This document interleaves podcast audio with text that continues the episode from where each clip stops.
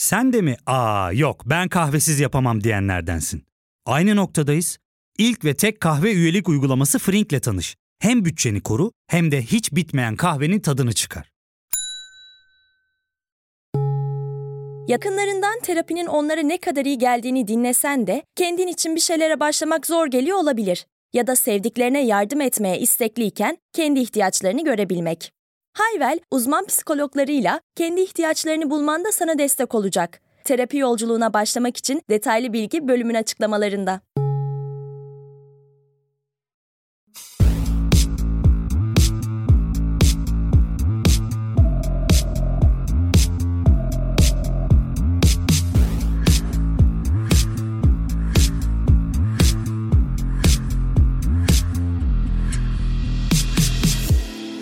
Mental Klitoris'ten herkese merhabalar. Ben Hazal Sipahi. Vulva artma ve pembe am takıntısı başlıklı bu bölümü hazırlama sebebim Twitter'da karşıma çıkan bir video oldu. Videoda bir erkomuz pembe bir ambalajdan çikolatalı bir kek çıkardıktan sonra ağlamaya başlıyor. Ve videoya eşlik eden Caps de pembe diye evlenene kadar vermeyen manitle ilk gece diyor. Cinselliği kişiler arasında yaşanan ve paylaşılan bir şey değil de birinden alınan bir şey olarak gören bu erkomuz partnerinin vulvasının rengi pembe olmadığı için ağlıyor. Yeterince fıttırmış olabilirsiniz ama vulvasını pembe ambalajda ve pembe isteyen kişinin videosunu alıntılayan bir kullanıcının yazdıklarıyla devam edeceğim. Zina belasına battığım dönemde sürekli karşıma çıkan iğrenç bir durum. Çok iyi anlıyorum. Twitter'daki bu pembe am, kara am muhabbeti yeni değil. Bir başka post şöyle diyor. Türkiye'de kadın, siyah am, bok rengi ten, kötü kişilik, feminist. Beyaz ırk yabancı kadın, pembe am, beyaz tem, güzel kişilik, feminist değil. Başka bir mimde ise yataktaki ikiliden erkek olanın kadına bağırdığı bir ifadeye hani amın pembeydi yazılmış. Mental Klitoris'in bu bölümünde jinekolog Irmak Saraç, dermatolog Bengüsü Özarslan, psikiyatrist ve cinsel terapist Seven Kaptan ve akademisyen Gizem Sivri'den aldığım görüşlerle pembe am takıntısını ve son dönemlerde popülerliği gittikçe artan vulva artma uygulamalarını konuşacağız. Pembe am takıntısının kökeninde nelerin olduğunu, ten rengine dayalı ayrımcılık ve seksizm üzerinden inceleyeceğiz ama önce ideal vulva algımızı nelerin şekillendirdiğiyle başlayalım. Jinekolog Irmak Saraç'a tırnak içinde normal vulva algımızı nelerin şekillendirdiğini sordum. Şimdi normal vulva dediğimiz şeyi aslında ne belirliyor? Bir doktor olarak bizim aldığımız tıp eğitimi belirliyor tabii ki. Tıp eğitimi neye göre alıyoruz? Sonuçta anatomi atlaslarımız var, anatomi kitaplarımız var, jinekoloji kitaplarımız var. Fakat bunların hiçbirinde aslında varyasyon yok. Standart bir tane çizim bulursun. Labiyaları gösteren, dudakları gösteren vesaire. Dolayısıyla da hani bu çizimler tabii ki önemli. Çünkü sonuçta textbook ya norm kabul ediliyor. Ama genital bölge inanılmaz varyasyonu olan bir bölge. Renk olarak, boyut olarak aslında bir normali var mı? Yok. Yani belirlenmiş şu kadarın üzeri anormaldir denen bir değer bile yok aslında. Tüm diğer güzellik standartlarında olduğu gibi tırnak içinde mükemmel vulvaya dair algımızda kültürel, tarihi ve sosyal faktörlerin etkileşimiyle şekilleniyor. Farklı kültürlerde, farklı zamanlarda farklı güzellik ideallerinin kabul görmesi, reklam, moda ve porno sektörlerini içine alan medyanın güzellik ideallerini şekillendirmesi, sanat ve edebiyatta genitallerin yıllar içerisinde değişen tasvirleri, akranların etkisi, kişisel karşılaşmalar ve yaşanmışlıklar, kozmetik prosedürlerinin pazarlanması, cinsellik eğitimi ve sağlık hizmetlerinde maruz kalınanlar, nasıl bir vulvanın kabul gören ve güzel olan vulva olduğuna dair algılarımızı şekillendiren faktörlerden. Vulva algımızı diğer vulvalar ve onlara dair imgeler şekillendiriyor yani. Gördüğümüz ya da görmesek de olması gereken olduğunu varsaydığımız vulvalar. Psikiyatrist seven kaptana vulvalarımızın nasıl görülmesi gerektiğini nasıl karar veriyoruz diye sordum. Vulvanın nasıl görünmesi gerektiğine kim, ne zaman, nasıl karar verdi bilmiyorum gerçekten. Ama erkeklerden şüpheleniyorum açıkçası. Çünkü kadınların birbirlerinin vulvalarına bakıp kıyasladıklarında hiç şahit olmadım. Hiç sanmıyorum böyle bir şey olsun vulva beyazlatma gibi bir işlemi yani bunun var olabileceğini bir şekilde duymaya başladı insanlar ve kadınlar bunun için doktora gittikçe de bu konu ticari bir malzemeye dönüşmeye başladı. İşte reklamları yapılmaya başladı ve bu algı olması gereken vulva böyle olur algısı gittikçe kemikleşti sanırım. Temsil eksikliğinden beslenen, çeşitliliği görmezden gelen dar güzellik standartlarından bahsediyoruz. O nedenle tek bir mükemmel vulva veya genital görünümün olmadığını bilmek çok önemli. Dermatolog Bengüsü Özarslan, vulvalar hakkında konuşabilmenin, vulvaların ne kadar çeşitli olabileceğini görmenin, vulva algımızı bu çeşitliliğin kabullüğüyle şekillendirmemizde etkili olabileceğini hastalarıyla görüşmelerinden örneklerle anlatıyor. Bir de en çok rahatladıkları şeylerden biri bence başka bir kadınla bunu konuşuyor olmak. Vulva meseleleri hiç konuşulmuyor ya. Herkes herkesinkini yani ya o televizyonda işte pornolarda gördükleri gibi zannediyorlar ya da işte şey gibi hani benimki çok çirkin. Zaten bize öğretiliyor ya işte her şeyimiz çok çirkin, vulva da çirkin, kötü, pis bir yer. Halbuki konuşunca anlıyorlar ki yani gerçekten herkesinki kendine özgü ve bunun bir normali yok. Tamamıyla size özgü ve hani bir şeye benzemesi gerekmeyen bir alan. Ama bunun savaşını tek başına vermek bir kadın için çok zor olabiliyor. Ki mesela böyle şeyler dedikodu çok kurtarıcıdır bence. Hani böyle o kadın yani dedikodu mücadele biçimi bile olabilir. Hani o özellikle küçük yerlerde oturursunuz, konuşursunuz. İşte o AD seanslarında falan kadınlar birbirlerini rahatlatırlar. Hani o kadar gizli saklı bir şey değildir. Ve no- normalleşir o sırada. Birlikte birbirlerine çözümler yaratırlar. Bir rahatlarsınız, bir nefes alırsınız. Artık bu mevcut sistemde o AD seansları yok kadınların böyle evde toplanıp birbirlerine böyle işte şey yaptıkları, ADA yaptıkları bilmem ne falan filan. Onlar ellerinden alındı. Ortak paylaşım alanları artık böyle kuaförlere, güzellik merkezlerine, işte böyle hekimle birebir temasa falan kaldı. Dolayısıyla kendini rahatlatabileceği bir alan yok ki işte örgütlü bir bilince dahil ya da örgütlü bir mücadeleye dahil değilse o çok çok daha zor oluyor. O yüzden hani biraz daha böyle yani ilk işe rahatlatarak başlamak gerekiyor çoğunlukla. Yani ben tek başıma mücadele edemedim mesela. Yoğun bir depresyon tedavisi alaraktan estetik sektörünü bıraktım. Vulvalarımızın rengi söz konusu olduğunda acaba benim vulva rengim yine tırnak içinde normal mi sorusunu ne zaman sormaya başladığımızı düşündüm. Kişisel tarihimden yola çıkacak olursam lisedeyken bir arkadaşımızın evinde oturuyorduk. Annesine vulva derisinin neden zamanla koyulaştığını sorduğunu ve annesinin cevabının da seks yapmaktan koyulaşır olduğunu söyledi. E tabi o odada bulunan herkesin aklına o gün seks yaptıkça vulvamızın renginin koyulaşacağı girmiş oldu. Akademisyen Gizem Sivri'nin vulva rengine dair düşünmeye başlaması da yine benimki gibi akran sohbetleriyle başlıyor. Ben şunu hatırlıyorum. Arkadaşlarım arasında Ada'nın vulvamızı işte kararttığı, renginin o pembiş pembişlikten birdenbire kahverengiye dönmek durumunda kaldı ve bunu engellemek için bir takım kremler olabildiği. Yani biz niye bunu engellemeye çalışıyoruz? Bir. ikincisi o pembiş pembiş ben hiçbir zaman açıkçası pembiş pembiş hatırlamıyorum. Öyle değildi yani. Öyle bir şey yok. Üçüncüsü de bunu engellemek için bir takım kozmetik ürünleri kullanmaya başlamayı 15-16 yaşında, 17 yaşında genç kadınların düşünmeye başlaması oldukça enteresan, korkutucu. Dünyanın her yerinde kadın olmanın size yüklediği, kadınlara yüklenen bir takım misyonlar var. İşte kibar olmak, çok seksi olmak, gerektiğinde e, gerektiğinde anne olmak, anne olduğunda seksi olmamak, emzirmek, emzirmemek, çocuk doğurmak, o yaşta doğurmamak, evlenmek, evlenmemek, ah tonla yani bir sürü şey sayabiliriz. Bu da onların bir parçası.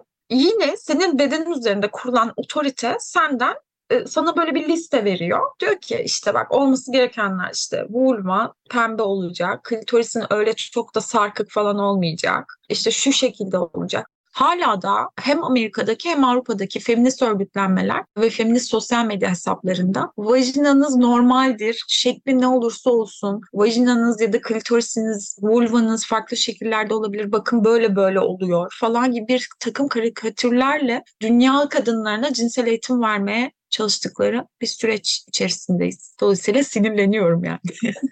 İnsan anatomisinin birçok özelliği gibi vulvanın rengi de kişiler arasında önemli ölçüde farklılık gösteriyor. Tek bir normal vulva rengi yok. Vulvanın görünümü genetik, hormonlar, yaş ve genel cilt pigmentasyonu gibi faktörlerden etkileniyor. Dolayısıyla vulvanın renginin zamanla değişebileceğini unutmamak da önemli. Daha pubert öncesinde daha açık renk. Gittikçe koyulaşır aslında. Üreme çağındaki kadınlarda daha koyu renktir. Yani orada pigment hücreleri vardır ve normal cilt rengi gibidir. Ciltten bir tık daha da koyu olabilir aslında.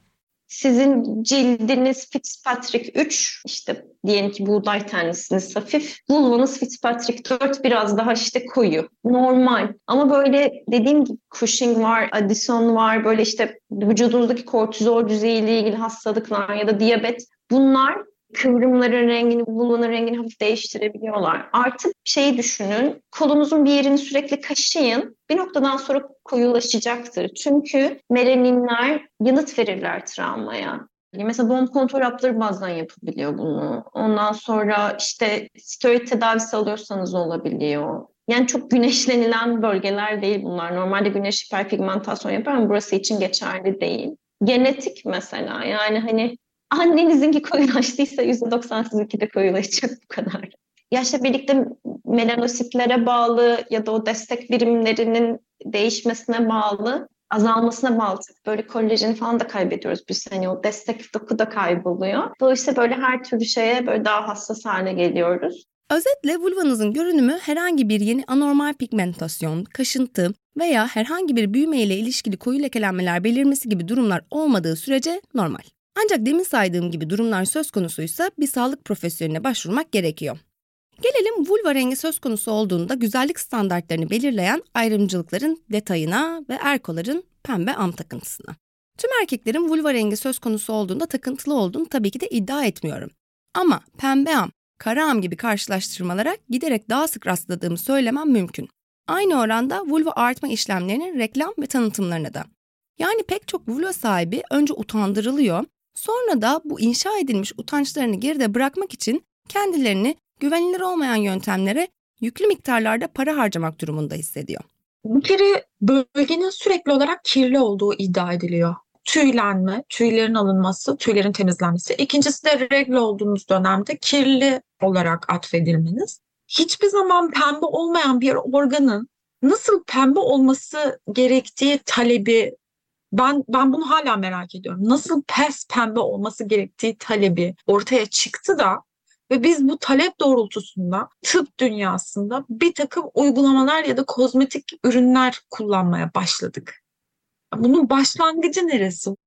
Fiziksel özellikler ve cinsel tercihler söz konusu olduğunda kişilerin farklı farklı zevkleri olabilir. Ancak neyi neden istiyor ve arzuluyor olabileceğimizi de düşünmek gerekiyor. İyileşme çizimlerinin yaratıcısı Melis Berk'in bir çiziminde de dediği gibi zevkler ve renkler politiktir.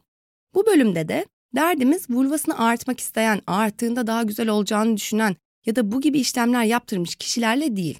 Vulvamızı olduğu gibi kabul etmemizin önünde duran, o dar güzellik standartlarını belirleyen, dayatan ve bu standartların dışında kaldığında da sana kendini kötü hissettirenlerle.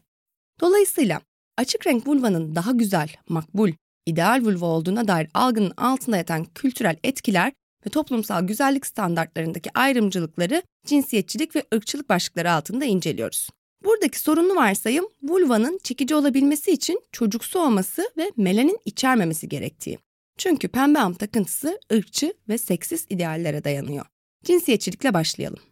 Neye uydurmaya çalışıyoruz aslında genital bölgemizi ve de neden uydurmaya çalışıyoruz? Ben hep bunu düşünüyorum. Yani labiaplasti en çok plastik cerrahların yaptığı ameliyatlardan bir tanesi herhalde. Bilmiyorum. Kadın doğumcular da yapıyor. O yüzden gerçek sayıyı bilmek hiçbir zaman pek mümkün değil. Neden dudakçıklarımızı küçültüyoruz? Neden renklerini açıyoruz? Neden vajinamızı daraltıyoruz? Neye benzemeye çalışıyoruz? Yani ideal diye bir şey yok ki burada. Bir dönem hani ideal kadın bedeni olarak Barbie bedeni düşünülüyordu ve aslında onun da gerçek hayatta olsaydı yürüyemeyeceğini bile tespit etmiştik. Aslında genitaller de belki Barbie'ye benzetilmeye çalışıyor. Neredeyse yok getireceğiz yani. Ya da böyle prepubertal dediğimiz daha, daha adet görmemiş bir çocuğunkine benzetme haline getirmeye çalışıyoruz gibi geliyor bana aslında ergenlikle birlikte östrojenin etkisiyle vulvada koyulaşma başlıyor. Gebelik vesaire yani sonraki süreçte de hormonlar etkili oluyorlar. Daha açık renkli olması vulvanın sanki kadının daha erken yaşlarına atıf yapıyor gibi düşündürüyor beni. Daha genç, daha çocuksu dönemler. Pedofilik bir yerden söylemiyorum bekaret vurgusu var denebilir belki de. Hani böyle kullanılmamış, taze, paketinden yeni çıkmış ne bileyim bunun gibi bir şey olabilir. Hani kadınların eşlerine hediye olarak kızlık zarlarını diktirip kendilerini sunduklarını duyuyoruz ya. Buna benzeyen bir yerden yine erkeğin gözünden yine erkek için kendini bedenini bir şekilde metalaştırma. Jinekolog Irmak Saraç da psikiyatri seven kaptan da açık renkli vulva talebinin vulvanın erken yaşlarımızdaki halini çağırdığına işaret ediyor. Seven'in anlattıklarıyla bana bu bölümü yapma ihtiyacı hissettiren pembe ambalajlı video arasındaki bağlantıyı da kolayca kurabiliriz. Bu tabloya baktığımızda bence pembe am takıntısı, bekaret takıntısı ve genç kadın düşkünlüğüyle el ele yürüyor. Cinsiyetçi köyde yürüdükleri bu yolun adı da kadınların çocuklaştırılması. Peki nedir bu kadınları çocuklaştırma? Kim, neden yapar? Yetişkin kadınlara çocukmuş gibi ya da kendi kararlarını veremeyecekmiş gibi davranmayı içeren kadınları çocuklaştırmak, cinsiyet stereotiplerinden, güç dinamiklerinden ve kültürel etkilerden kaynağını alan cinsiyetçi bir davranış. Kadınları çocuklaştırmanın kökeninde kadınların doğası gereği daha zayıf ve korunmaya muhtaç olduğu ön kabulü var. Bu yargı, kadınların üstünde güç ve kontrol kurmaya kendini muktedir sanmaya neden oluyor. Kadınlar bağımlı ve çaresiz görüldükçe ve bırakıldıkça üstlerinde otorite ve tahakküm kurmak kolaylaşıyor. Günün sonunda kadınların kendi hayatlarına dair bağımsız seçimler yapabilmesi sınırlanıyor. Çocuklaştırmanın kaynağını patriarkal tutumlardan aldığını da söyleyebiliriz. Kadınların çocuklaştırılması patriarkanın ve erkeklerin kadınların yaşamları üzerindeki kontrolünü güçlendirmeye hizmet ediyor. Kimi zaman kadınlara karşı gösterilen paternalist tutumlar da bu çocuklaştırmanın bir parçası olabiliyor. Güç ve kontrol, ebeveyn çocuk hiyerarşisi yaratılarak sağlanmaya çalışılıyor. Kimi zaman güvensizlik ve kıskançlık nedeniyle kadınlar çocuklaştırılıyor ki kadınlar bağımlı olsun ve tehdit oluşturmasın. Kimi zamanlarda da kadınları çocuklaştırdığımızın ve toplumsal cinsiyete dair eşitliksiz kalıp yargıları sürdürdüğümüzün farkında olamayabiliyoruz. Kadınları çocuklaştırmanın kadınlar için devasa negatif etkileri var ve tabii genel anlamıyla toplum içinde. Kadınların çocuklaştırılması onların yetkinliklerini, seçeneklerini, fırsatlarını kısıtlıyor. Kadınlar çocuklaştırıldıkça kamusal hayata katılımlarının önündeki engeller yükseliyor. Kadınlar çocuklaştırıldığında özellikleri zayıflıyor ve güçsüzleşiyorlar. Kendi seçimlerini kendileri yapamaz halde oldukları vurgusu özgüvenlerini ve öz yeterliliklerini olumsuz etkiliyor. Sürekli başkalarına bağımlıymış gibi muamele görmek öğrenilmiş çaresizliğe yol açabiliyor. Kadınlar gerçekten kendi başlarına idare edemeyeceklerine inanmaya başlayabiliyorlar. Bu da kadınları istismar edilmeye ve şiddet görmeye daha açık hale getiriyor. Kişisel ilişkilerde çocuklaştırma partnerlerden birinin aşırı kontrol uyguladığı ve diğerinin itaatkar bir role zorlandığı sağlıksız dinamikler yaratabiliyor. Kadınların bedenleri, ilişkileri, kısacası yaşamlarına dair özgürce ve etki altında kalmadan seçim yapmasının önünde bir engel olarak duran bu çocuklaştırmanın kadınların sağlığına etkisi de büyük. Kadınların özgüvenine, özerkliğine ve refahına zarar verebilecek cinsiyete dayalı bu ayrımcılık biçimi olan çocuklaştırmadan vulvalarımızda, cinselliğimizde tabii ki muaf değil. Önce psikiyatrist seven kaptanı sonra jinekolog Irmak Saraç'ı dinleyeceğiz. Ya fark ettin mi? Biz en çok kahveye para harcıyoruz. Yok abi bundan sonra günde bir. Aa, sen Frink kullanmıyor musun? Nasıl yani? Yani kahvenden kısmına gerek yok. Frink'e üye olursan aylık sadece 1200 TL'ye istediğin çeşit kahveyi istediğin kadar içebilirsin. Günlük 40 TL'ye sınırsız kahve mi yani? Çok iyiymiş. Aynen. Hatta şu anda 200 TL'lik bir indirim kodu da var. E hadi hemen indirip üye ol da bu fırsatı kaçırma. Terapiye başlamak, içinden çıkamadığın döngüleri kırmak, bazı yanlış bulduğun kararlarını değiştirmek ve kendinle beraber daha huzurlu bir yaşam inşa etmek için atabileceğin en değerli adımlardan biri.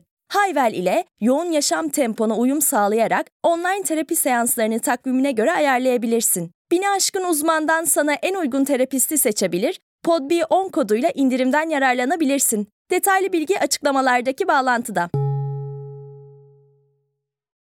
Benim klinik tecrübemde cinsel işlev bozukluğuyla gelen kadınların büyük kısmı cinsel organında güzel ya da estetik bulmadığını söylüyorlar zaten. Neden böyle düşünüyorsunuz ya da hani nasıl bir kıyaslama yaptınız? Kaç vulva gördünüz ve bu sonucu çıkardınız diye sorduğumda da bilmiyorum diyorlar çoğunlukla. Kendi organına yabancı olmak bunun bir tarafı tamam ee, ama bu saçma güzellik dayatmalarının da etkisi olabileceğini düşünüyorum. Bir yerlerden kulaklarına gelmesi, olması gereken vulvanın daha beyaz olması, neye göre daha beyazı bile bilmediği yerden aslında kendisini eleştirmeye başlayabiliyor. Partneri hiç bu konuda yorum yapmasa da kadın kendi organını çirkin, pis hissedebiliyor. Bu da cinselliğine olumsuz yansıyor elbette. Özgüveni azalıyor, kaçınmaları artabiliyor. Çıplaklık gibi, vulvasına dokundurmama, oral seks istememe gibi. Kaygılı ve huzursuzlukla yaptığı sevişmeden de bir şey anlamıyor tabii ki. Bu tür kaygılarla gelen danışanlarıma bedenlerinin görünümünden çok işlevlerine odaklanmalarını öneriyorum. Bunları konuşuyoruz çoğunlukla. Vulva resimleri gösteriyorum. Bazen çeşit çeşit görsellere bakıyorlar ve onlar da şaşırıyorlar bu kadar çeşitli görünümde olabileceklerini. Bazen soruyorlar bazıları benimki buna benziyor bu normal mi diye Diyorum ki tabii ki normal. Parmak izlerimiz de farklı ama çirkin demiyoruz bu farklılıklara. Bu da onun gibi bir şey diyorum. Ve bu normali duymak çok rahatlatıyor kadınları. Bazen eşleri araya giriyor. Ben seviyorum. Benim için hiçbir problem, sıkıntı yok. Ama sen izin vermiyorsun diyorlar. Bunu duymasını sağlamaya çalışıyorum. Sonuçta vulvanın renginden çok daha önemli şeyler var seks sırasında olması gereken. En önemlisi de haz. O yüzden bırakalım bunları da herkes hazına baksın. Bazen kadınlar kendi vulvalarıyla ilgili gelip de rahatsızlıklarını söylediklerinde bazen şununla da gelebiliyorlar. Partnerim işte benimkinin işte labiyalarının büyük olduğunu söyledi, geniş vajinamın geniş olduğunu, dar olduğunu söyledi vesaire. Sen hayatın boyunca partnerinin penisinin mesela ya da sen şu anda partnerinin penisinin boyuna, rengine, şekline laf ettin mi diyorum. Yo diyor. Neden diyorum. Aslında iki sebebi var. Bir zaten onunla ilgili normalle ilgili hiçbir bilgisi yok. İkincisi de böyle bir hak görmüyor kendini. Ama erkek erkekler yani erkeklik diyeyim bu hakkı görüyor kendinde. Vulvalarımızın kılsız ve açık renkte olmasını isteyebiliriz. Ancak bu isteğimizin altında nelerin yattığına dair farkındalık geliştirebilirsek vulvalarımızı oldukları gibi de kabul edebiliriz. Yani kılıyla, rengiyle, şekliyle çok çok çok çok çeşitli yani biricik. Belki öyle olunca vulvamızın nasıl göründüğüne dair endişe yükümüz azalır ve vulvalarımızı değiştirmek için harcadığımız zaman ve parayla yolu bizleri kötü hissettirmekten geçmeyen şeyler yapabiliriz. Vulvalarımızın çocuksulaştıkça daha güzel olduğunu söyleyen ve belki de içselleştirdiğimiz bu estetik anlayışının da cinsiyetçi olmadığını düşünmüyorsunuzdur herhalde. Neyin estetik yani güzel olduğunu kültürel etkiler, medya, sanat, felsefe ve teorik bakış açıları belirliyor. Yani yine bir hayli eril bir ortamdan bahsediyoruz.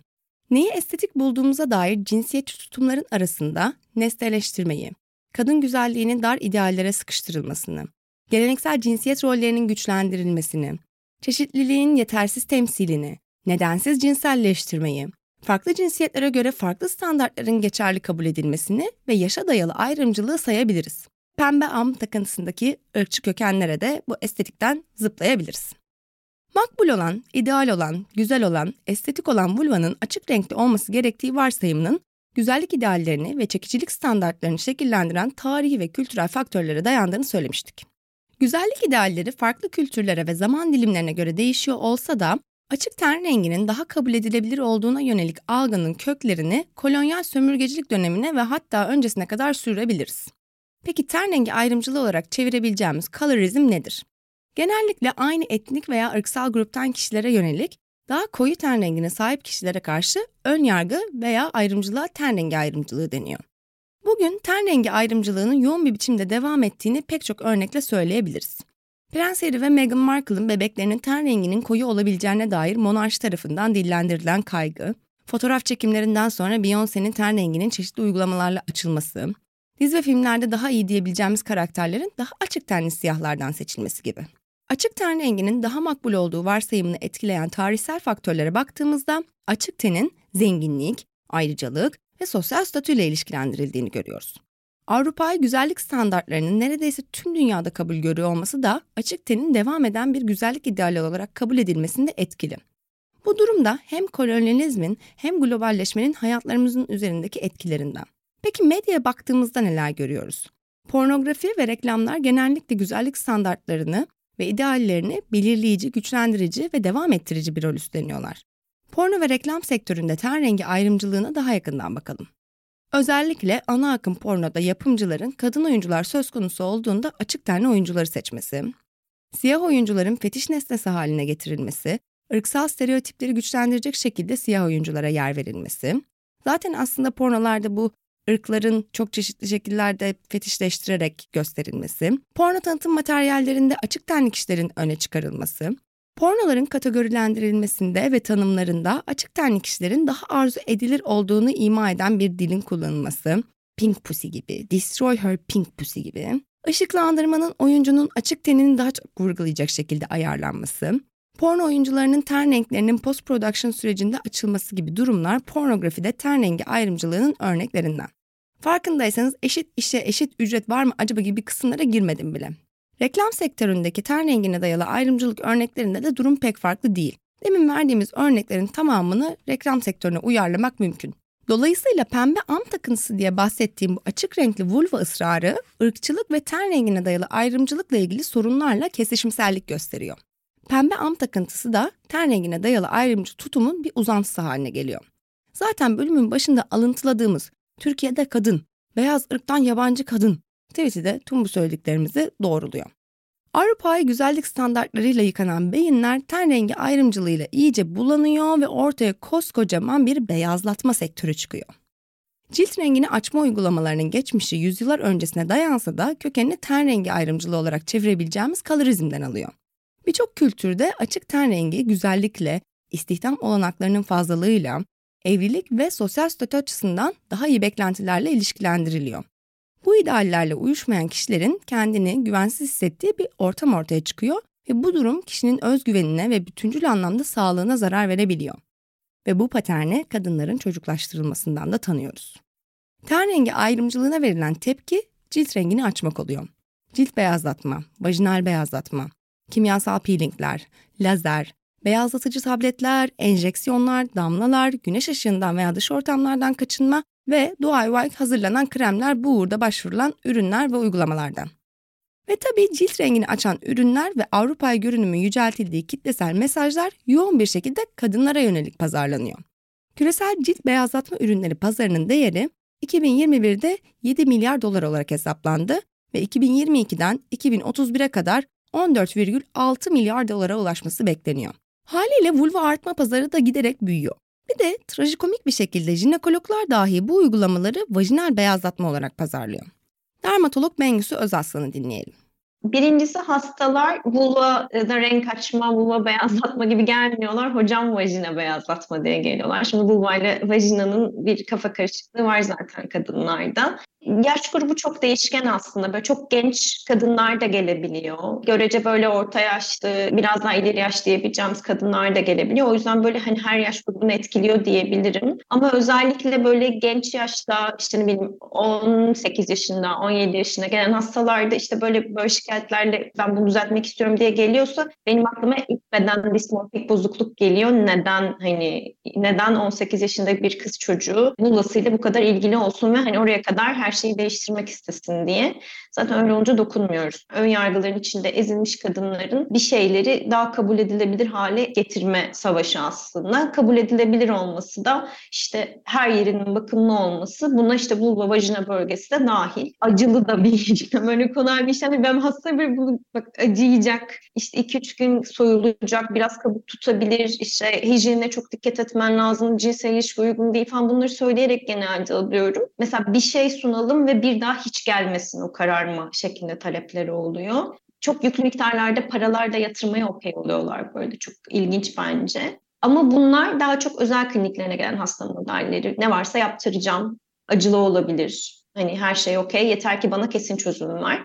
Ve bunu işte erkek arkadaşım rahatsız oluyor ya da partnerim rahatsız oluyor ya da böyle açıklamıyorlar. Ben rahatsız oluyorum diye açıklıyor genelde. O kendisi rahatsız oluyor. O kararı kendisi aldı. Genellikle de hiç kimsenin işte etkisi altında kalmadan aldı bu kararı. Böyle anlatıyor çoğunlukla. Bir de bunun yanına bazen kadınsa vulva beyazlatma, vulva bleaching'in içine bir vajina daraltma da genelde giriyor. Çok nadiren böyle kadınların partnerleriyle geldiği oluyor mesela o vajina daraltmaları. O zaman mesela çok zorlayıcı oluyor. Hastayla çok rahat konuşamıyorsunuz. Gene benim isteğim diye anlatıyor ama kocası yanında. Öyle olunca ben hani, mümkünse işleme almıyor idim. Hani çünkü çok emin değilim ne oluyor orada. Bir yandan anlıyorsunuz ve ona yardım etmek istiyorsunuz. Ya bir yandan da gerçek sebebin farkında olmadığını düşünüyorsunuz ve acaba anlatmalıyım mı ne kadarını anlatmalıyım noktasına düşüyorsunuz. Hekim olarak böyle bir şey meslektaşlarıma nerede konuşurum? Onlar nasıl bakıyorlar bu işe? Bunun deontolojik tarafı nedir? Böyle platformlar yok. Dolayısıyla da siz bazı şeyleri kendiniz bulmak zorunda, kendiniz kural koymak zorunda kalıyorsunuz. Bengisu'ya vulva artma uygulamalarının yan etkilerinin neler olabileceğini de sordum.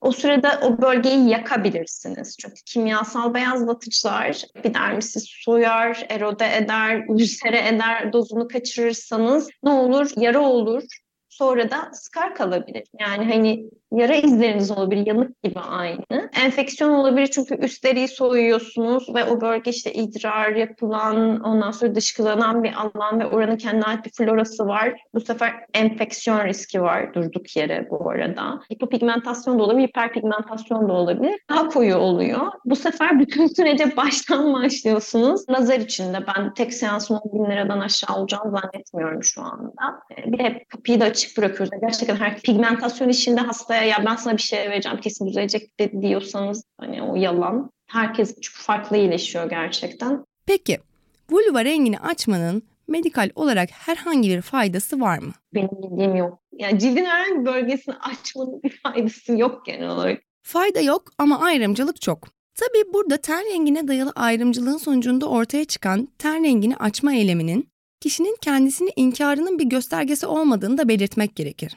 Yani beyaz olmayan kadınlara yüklenenlerin sorumlusu Avrupa'yı merkezli, batılı ve beyaz bakışın teşvik edilmesi ve sürdürülmesinde emeği geçenler. Ten rengine dayalı ayrımcılığın cilt beyazlatma yoluna gitmekten çok daha yıkıcı sonuçları da olabiliyor. Özellikle Pasifik Asya bölgesinde kadınların iyi bir evlilik yapması için açık tenli olması bekleniyor. Ten rengi koyu olduğu için çeyizi gasp edilen, evlendiği evden yollanan ve bunun yarattığı damgalama ve dışlanma nedeniyle intihar eden kadınlar var. Yani pembe am takıntısının eli, kolu nerelere kadar uzanabiliyoru anlamak bu ayrımcılık biçimlerine kimseyi maruz bırakmamak için önemli. Kendimizi maruz bırakacağımız şeyler vulvalarımızın olduğu gibi biricik olduğuna dair pozitif mesajlar. Vulva sağlığımız için ne yapabiliriz'i Irmak'a sordum. Bence onu olduğu gibi kabul etmek. yani olduğu gibi kabul etmek iki şeye çok rastlıyorum. Bir çok yoğun bir ilgi. Yani sürekli orada bir şey var mı? İyi mi? Yani tabii ki bir farkındalık ve bir algılama olması iyi bir şey yokmuş gibi davranmayalım ama bazen de aşırı varmış gibi davrandığımız zaman o da sürekli bir sorun üretmeye yol açıyor aslında. Yani genital bölgenin ekstra bir temizliğe ihtiyacı yok. Ne kıl olarak ne işte sabunlarla yıkayalım, özel sabunlar kullanalım, onu yapalım. Ne öyle bir şeye ihtiyacı var. E, suyla yıkamak yeterli ya da yani kurulamak yeterli olabilir vesaire. Özel bir bakıma ihtiyacı yok onun. Pozitif mesajlar demişken hala dinlemediyseniz seksolog Rayko Kumru ile kaydettiğimiz Vulva'da çeşitlilik bölümünü dinleyebilirsiniz. Doktor Can Gunter'in Vajina kitabını okuyabilirsiniz. Çeşit çeşit vulva görebileceğiniz hesapları takip edebilirsiniz ve ben de bu hesapları Mental Clitoris'in Instagram'ından sizlerle paylaşacağım. Tabii tüm bunların yanında yok kara am, yok pembe am diye ahkam kesen hesapları da engelleyebilirsiniz. Urvalarımıza ve kendimize iyi davranmamız dileklerimle bir sonraki bölümde buluşmak üzere.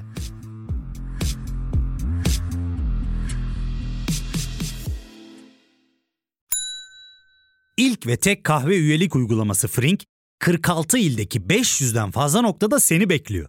Açıklamadaki kodu girerek sana özel 200 TL'lik indirimden faydalanmayı unutma. Hadi sen de Frink üyeliğini başlat, kahven hiç bitmesin. Hem bugününe hem yarınına katacaklarıyla terapi yolculuğuna ve daha iyi hissetmeye bugün Hayvel ile başla. Açıklamadaki linkten Hayvel'i indir, ücretsiz tanışma görüşmelerinin ardından bütçene uygun seans paketini seç ve terapi yolculuğuna başla.